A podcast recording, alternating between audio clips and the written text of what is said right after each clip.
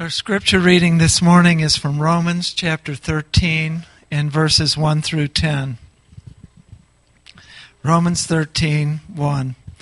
Let every soul be subject to the governing authorities, for there is no authority except from God, and the authorities that exist are appointed by God. Therefore, whoever resists the authority resists the ordinance of God, and those who resist will bring judgment on themselves. For rulers are not a terror to good works, but to evil. Do you want to be unafraid of do you want to be unafraid of the authority? Do what is good, and you will have praise from your from the same. For God for he is God's minister to you for good.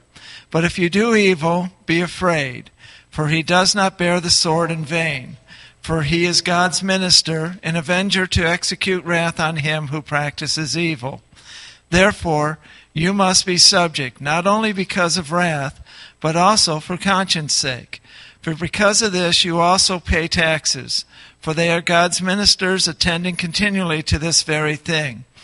Render therefore to all their due, taxes to whom taxes are due, customs to whom customs, fear to whom fear, honor to whom honor.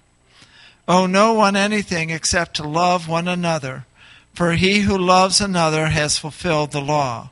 For the commandments, you shall not commit adultery, you shall not murder, you shall not steal, you shall not bear false witness, you shall not covet. And if there is any other commandment, all are summed up in this saying, namely, you shall love your neighbor as yourself. Love does no harm to a neighbor. Therefore, love is the fulfillment of the law. All right. Thank you, Larry. Appreciate that. Well, good morning, folks. Hey, welcome to Grace. If you have your Bible, turn with me to uh, the book of Titus, is where we are going to be. Titus chapter 2, the tail end, and uh, we're going to work our way into Titus chapter 3. So I trust that you're there. It's on uh, page 966 if you're using a Pew Bible like me, Titus chapter 2. This morning we're going to learn how to be good parishioners, good citizens, and good neighbors from Titus chapter 2, verses 15 into chapter 3, verse 2. So let's pray, and we'll dive right in. Father, we pray that you would be, be with us this morning. Father, as we think about the responsibilities that we have as believers, as followers of Christ, to, uh, to these key areas of life, to the leadership in our local church, to the government and the land that we live, and to our neighbors, both uh, around us and around the world. And so help us, Father. Help us to see how the gospel, the good news of Jesus, that he died uh, in our place for our sins, that he rose from the dead, that he defeated death, Satan, and sin in our place, and offers us salvation and forgiveness of sins and re- reconciliation with you, and uh, the opportunity to be a new creation, a new person, simply by faith, alone, by trusting in what Christ has done. Thank you that that gospel, that that good news causes us to be good parishioners. It causes us to, to want to be good citizens and it does, causes us to have the desire to be good neighbors, to love our neighbors as ourselves. And so may that gospel be at work in all of our hearts for those of us who have placed our faith in Jesus. And for those who have not, man, woman, boy, or girl, may today be the day of salvation. May today be the day they bow the knee to Jesus Christ and repent and trust in Him alone as their Savior and begin to follow Him as their Lord. We ask it in His name, the name above all names, the name of Jesus. And in that name, all of God's people said together, Amen. Amen. Well, the story is told of a, of a new pastor, and I've been in his shoes before, so I know how that works. But true story, there was a minister, and he was brand new, and so he was in his new church, and it was his very first Sunday. And he had preached a message, and he thought it was a pretty good message, and so he, like I do, stood at the door of the church to greet his new congregation uh, as they were leaving on his first Sunday morning. Well, most of the people, as you would expect, were, were very generous, right? It's the first Sunday, they want to be affirming to the pastor, and so as they greeted the pastor. They shared their message uh, with him about uh, how the sermon was good and how it was a wonderful word from God. And thank you, Pastor, for, for sharing the message. However, there was one man who, uh, whose tone was a little bit different. There was one man who said, Well, Pastor, that sermon was, was pretty dull. In fact, it was altogether boring. And he shook hands with the pastor and left. And the pastor said, Okay, well, that, that guy was kind of negative. And he kept greeting the folks who continued to affirm his message. However, a, a few moments later, the same man appeared in line again. And the pastor thought, Well, that's a bit odd. I've already met this guy. And so he made his way through the line again. And the man said, Well, Pastor, did you even prepare for this message? Did you even study? Take care, Pastor. And he, and he walked off. And the man thought, Who is this guy? I need to, I need to ask the deacons about him and, and learn. Well, he kind of out of sight, out of mind, and he continued to receive uh, praise from the congregation until finally the man came through again. And at this point, the pastor was getting a little frustrated, and so he decided to, to pull one of the deacons aside, and he said, Hey, Bob, come here. Uh, what's up with this guy? And Pastor Bob, uh, excuse me, Deacon Bob said, Oh, don't, don't let that guy bother you. He's, he's a little slow and a little odd. All he does is go around repeating whatever he hears the other people of the church saying. So the point of the story is don't be like that guy. No, I'm just kidding. the point of the story is that how parishioners are to respond to not just their pastor, but to church leadership as a whole how parishioners respond to the leadership of the church is just one area that Paul addresses in Titus chapter 2, moving into chapter 3. Paul is going to share with us three groups of people to which Christians have a responsibility to. First of all, in chapter 2, verse 15, he's going to say, We collectively, individually, we have a responsibility to the leadership of the church. Chapter 2, verse 15. Then he's going to say, We also have a responsibility to our government every facet of government. And then, third, he's going to say we also have a responsibility to our neighbors. In 215, he's going to say we have a responsibility to church leadership. And when we fulfill that responsibility, then we become good parishioners. He says when we fulfill our responsibility to the government, well, then we become good citizens. And thirdly, when we fulfill our responsibility to our neighbors, well, then we become good neighbors. Well, I hope you have the Bible open with you in your lap. Let's read this together. Titus chapter 2, starting in verse 15, and then we will read through chapter 3, verse 2. Short section. It reads this way These then are the things that you should teach, Paul says to Titus. These then are the things that you should teach. Encourage in rebuke with all authority. Do not let anyone despise you. Remind the people to be subject to rulers and authorities, to be obedient, to be ready to do whatever is good, to slander no one, to be peaceable and considerate, and always to be gentle towards everyone. And that is a reading of God's holy and infallible word. So let's learn this morning as we jump back into Titus how to be good parishioners, how to be good citizens, and how to be good neighbors. Let's look at chapter 2, verse 15, as we learn how to be good parishioners. Good parishioners.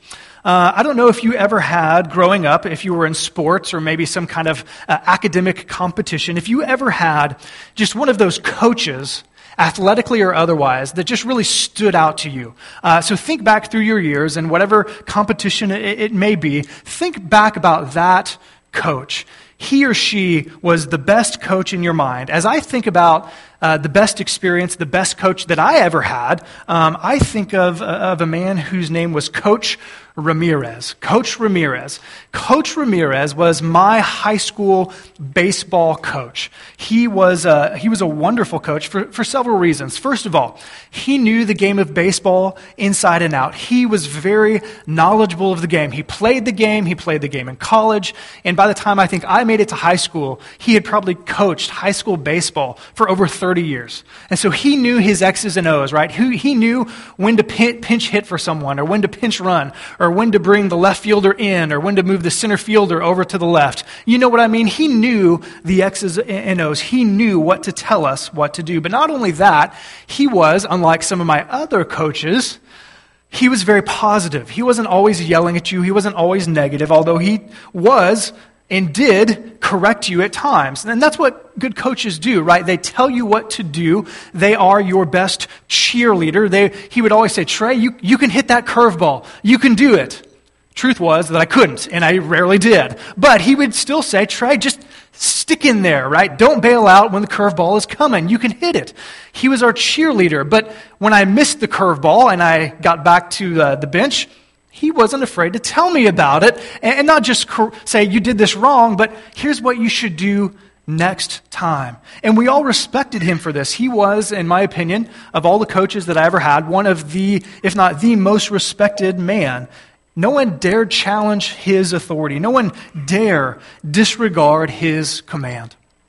Well, here in chapter 2, verse 15, Paul is going to give us four attributes. He's going to give us four attributes of what I think is a good spiritual coach. Not a good baseball coach or anything like that, but what does a good spiritual coach look like?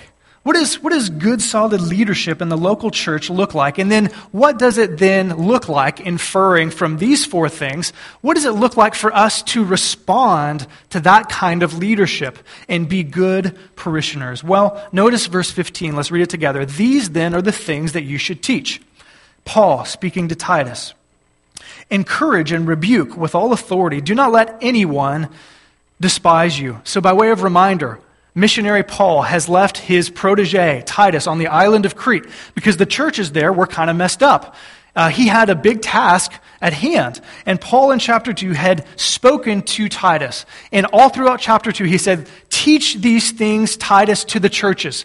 Teach the churches on the island of Crete and the Christians there what proper godly behavior looks like. So, all of chapter 2 is about godly behavior. And then this is kind of a summary statement. So, so, Paul says, Listen, I've told you what to tell them.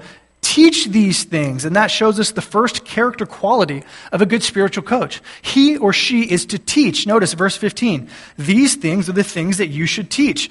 So, first of all, a good spiritual coach tells his parishioners the right things to do and the right things to believe. Here are the things that you should do. Here are the things that you should believe. But not only that, secondly, he should encourage. Notice, these things are the things that you should teach. And number two, encourage the text says.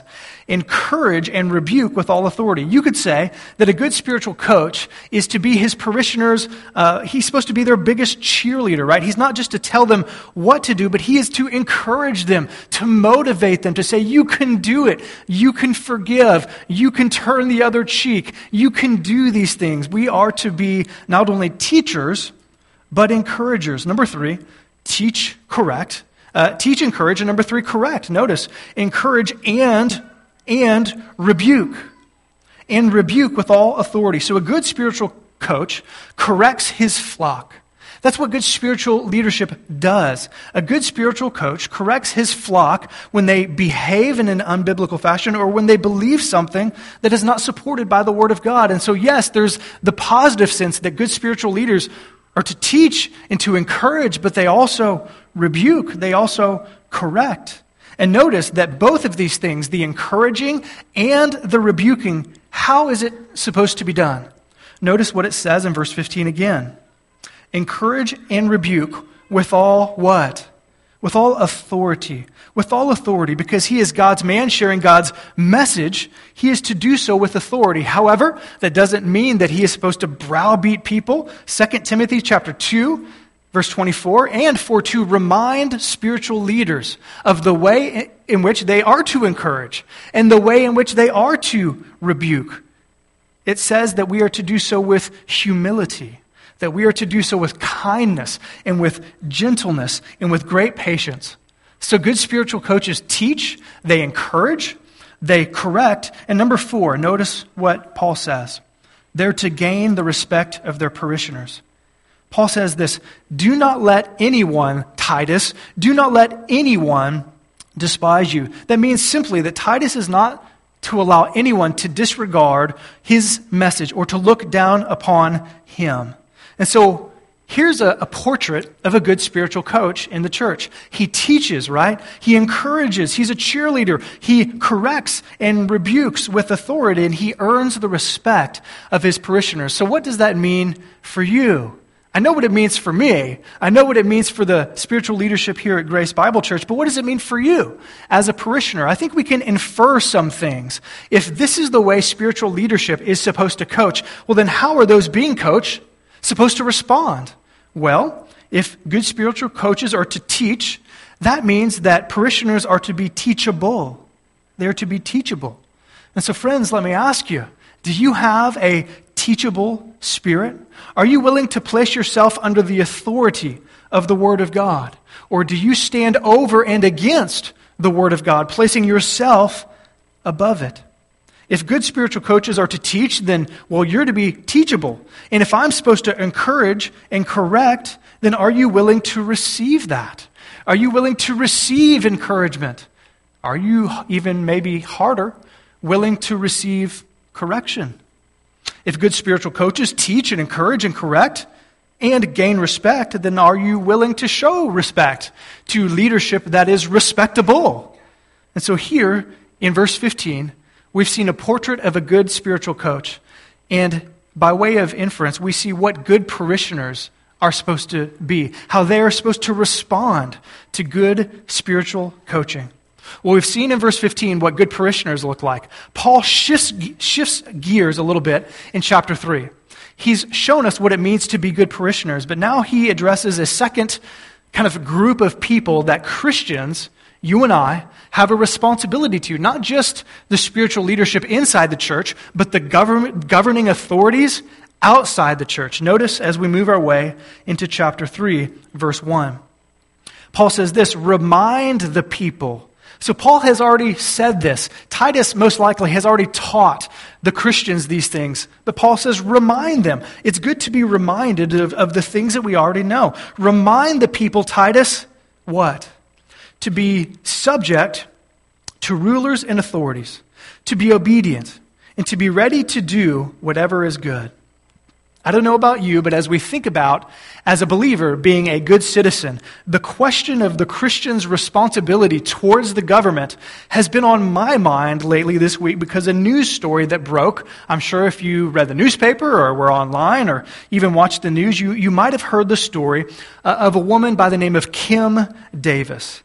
Kim Davis was a, a, county clerk of Rowan County, Kentucky, and she uh, refused to issue marriage licenses at all uh, because of religious objections. Well, as the story goes, she was taken by uh, a federal judge into federal custody and spent five days in jail only to be released. And it's, it's a complex situation, but I think it brings up the subject. It should all be on our minds. As a Christian, what is our responsibility towards the government? How do we, how do we, how do we uh, juggle the biblical tension between the Bible's very clear command that we are to be obedient and subject to civil government on the one hand, and we are to obey God over the government when the two are in conflict on the other?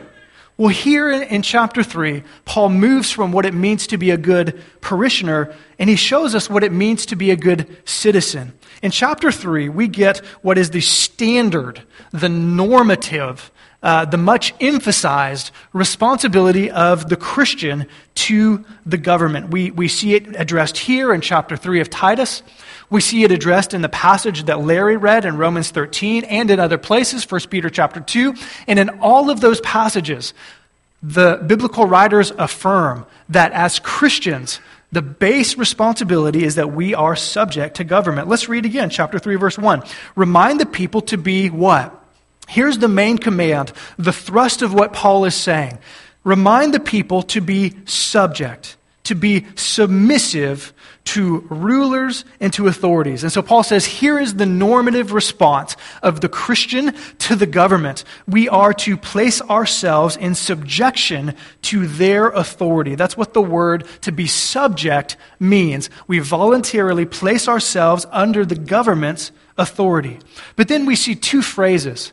What does that mean? What is, how are we supposed to do that? Well, let's read. Remind the people to be subject to rulers and authorities. How? Two ways. Number one, to be obedient. Well, that makes sense, right? Because the natural outworking of submission to government is what? Is obedience to the government, right? So if our, our heart attitude is submission to the government, well, then naturally it's going to flow that we will be obedient to the government. Not only that, but notice number two, to be obedient. Number two, to be ready to do whatever is good. In contrast to doing what is morally wrong, and in, in contrast to doing that which is punishable by the government, Paul says, do that which is good, right? Do the things that won't be punished by the government. Paul uses this argument. I think the text is on the screen. Romans 13:3. It's the text that Larry read. It says this, "For rulers hold no terror for those who do right, but for those who do wrong." Do you want to be free, Christian? Do you want to be free from fear of the one in authority? Well, then he's going to tell you how to do it. Then do what is right. Notice the, the, language. Do what is right. That's what Paul has said, right? Do whatever is good. It's the same language. Then do what is right, and you will be commended. So here's how this works it's a very simple illustration that, that Paul is giving. When I was 16 years old, I, uh, you've heard the story before, so forgive me if you've heard it, but uh, it's one of the few, mind you, one of the very few times that I've broken the law. Very clearly. So I was 16 years old, and my mom and dad saw fit to, to, um, to buy me a Ford Mustang. In retrospect, if you have a 16 year old boy, I wouldn't get him a Ford Mustang. My mom and dad did. Yeah, I enjoyed it. So here I am in my brand, it's not brand new, it was new to me, Ford Mustang, and I'm late to a church softball game. Church softball games are very important. Uh, and I was late. And so uh, I believe the speed limit was 60 or 65, and I'm pretty sure uh, the policeman uh, pulled me over saying, Son, did you know that you were going 92? Uh, and I said, Well, yes, sir, I do. Uh, son, why are you going 92 in a 65? Well, I'm late for a church softball game. And I think he started to laugh at that point. Um, he said, Son, I could throw you in jail because you were going so fast that you were endangering other drivers. And at that point, I uh, almost soiled my pants, I think. I don't know if I did or not, but uh, I, was, I was afraid.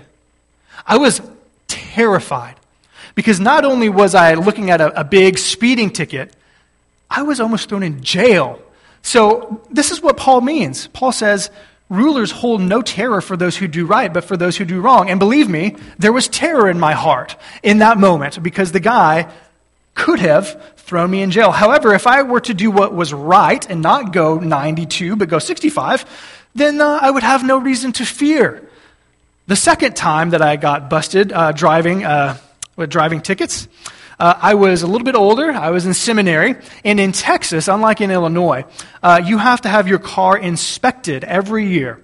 Uh, well, I was busy and I just, I just put it off. I put it off, put it off, didn't get my car inspected. And so the time ran out and I was driving my car uh, illegally because it had not been inspected. Now I knew this and it was one of those, yeah, I'll do it, I'll do it soon, I'll do it soon. Okay, well, I was driving legally. And guess where I was going? Well, not to a church softball game, but I was going to church because I was a youth pastor and I was driving to church. You see the theme here, right? Me being busted driving to a church event? Hasn't happened in a while, I can promise you that. So I'm driving, and uh, did I have reason to be afraid when I saw a policeman drive by me and do a U turn?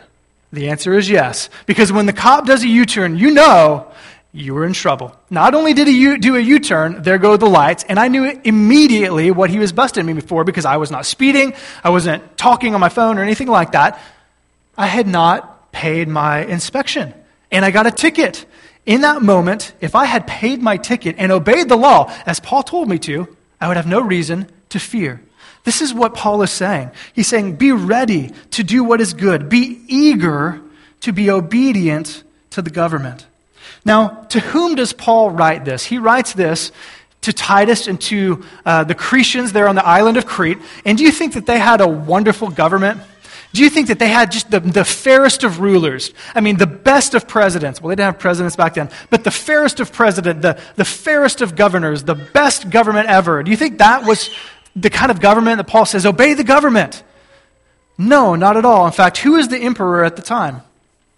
The emperor at the time was a man by the name of Nero. I don't know if you've heard of him before, but he was a bad guy. Bad guy. He was a despot. He was murderous. He was a pagan. He was morally bankrupt, utterly brutal, very oppressive, sexually immoral, utterly corrupt. And this is the kind of government that Paul tells the Christian submit yourself to the government. So, Christian, I want to ask you a very personal question. Does this describe your relationship to our government? Is this the way that you relate to the government, not just the politicians, but the laws of our land, the laws of our state, the laws of our county. How about the laws in the village of Cissna Park that you might find somewhat unreasonable, maybe even burdensome? What about traffic laws? You know, those kind of minor things, the things, the signs that they put, you're driving and you pass it and, it says 55. You know, that thing that you kind of drive. What about, what about that? Or maybe stop signs. You're kind of going along and they, we live in the country. A traffic jam is when there's like two or three cars at the school parking lot, right? It's no big deal. We're, you know, we're driving along and, you know, there's a stop sign, but nobody's coming. Look left, look right. I don't have to stop. Or do you? Because you're a Christian. Friends, let me just challenge us. If you name the name of Christ, and if you believe the Bible is inspired and authoritative, and authoritative over your life and mine, do we obey the laws of our land? Well, Paul has told us this is how to be a good parishioner. He said this is how to be a good citizen. And, and, and third, this is how to be a good neighbor. Look at verse 2 of chapter 3. This is how you be a good neighbor to slander no one, to be peaceable and considerate. And number three, and always to be gentle towards everyone. So let me ask you a question Do you have good neighbors? Or do you have maybe not so good neighbors?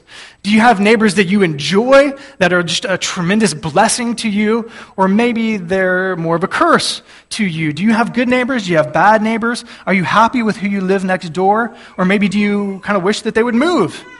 Personally, we have great neighbors. So if you happen to live around my neighborhood, rest assured, I think that you're a great neighbor. And I appreciate you. There are kids to play with. There are people that we enjoy conversing with. Uh, we watch each other's backs in our yards, so to speak. Um, and if we need an egg or a cup of sugar, well, I know where to go. We've got wonderful neighbors, and, and, and we're tr- tremendously blessed. But let me ask a follow up question, which is really the question I'm getting at. Not do you have good neighbors, but are you a good neighbor? Because you may have a good neighbor, but I had to ask myself this week am I a good neighbor? Jesus says in Matthew 22 39, you shall love your neighbor as yourself. So, what does that look like? Well, Paul tells us three ways in verse 2. Number one, he says to slander, to slander no one. This relates to how we speak about people how we speak about people, and not just our neighbor like across the picket fence. Our neighbor is anyone who is in need, right? Jesus uh, broadens the definition of neighbor. It, it, it, relates to how we speak about people, that we shouldn't curse them, put them down. We shouldn't say things that aren't true about them. We shouldn't gossip about them. It doesn't mean necessarily that we don't evaluate moral character or call evil evil. Paul did that in chapter 2. What did he call the Cretans, right? Evil brutes, lazy gluttons, liars. Okay, that's who they were. But what Paul is saying here is that we should re- restrain our natural inclination to say the worst about people. We should presume the best. We should give them the benefit of the doubt. So, friend, are you this kind of neighbor to those around you? Do you presume hurtful motives? They did that on purpose. Or do you assume the worst about them? Are you always finding the worst in people around you? Are you often negative about how you speak about people, even maybe when it's unmerited? Paul says, if you want to be a good neighbor, watch your words. Don't slander. Number two, he says, be peaceable and considerate. These two words are together. Peaceable means that Christians are to be uncontentious. So we are to be marked by a lack of contention. That's what it means to be peaceable. We're not supposed to be known for being disagreeable, for picking fights with people, for being belligerent. But secondly, not only are we to be peaceable, but we're to be considerate. The idea simply means that we put up with people's frailties, their faults, and their foibles because we have our own.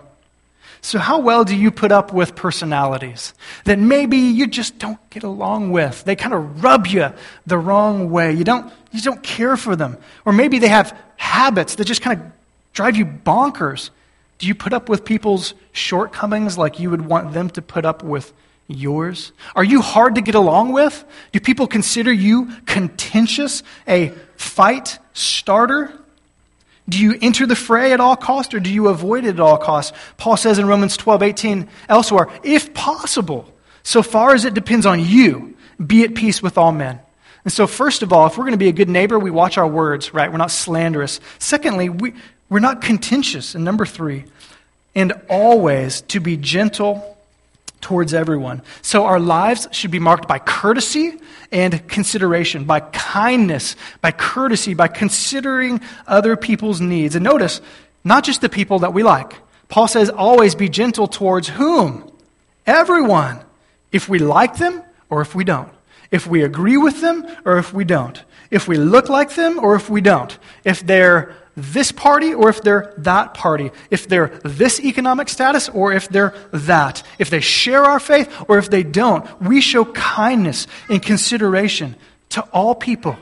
So, how about you? Does this look like your practice as a neighbor? I hope it does. I want to close our time with a true story. I came across this story as I was preparing, and it, struck me as a, as a good story. And so I'd like to close our time with this true story. One man writes A well known personality was visiting the campus of the University of Southern Mississippi. He was famous, a famous person.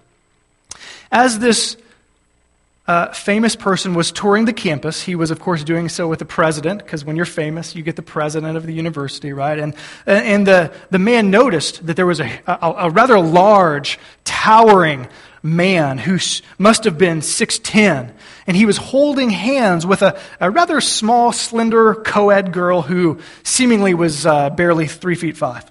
And so that caught this celebrity's attention.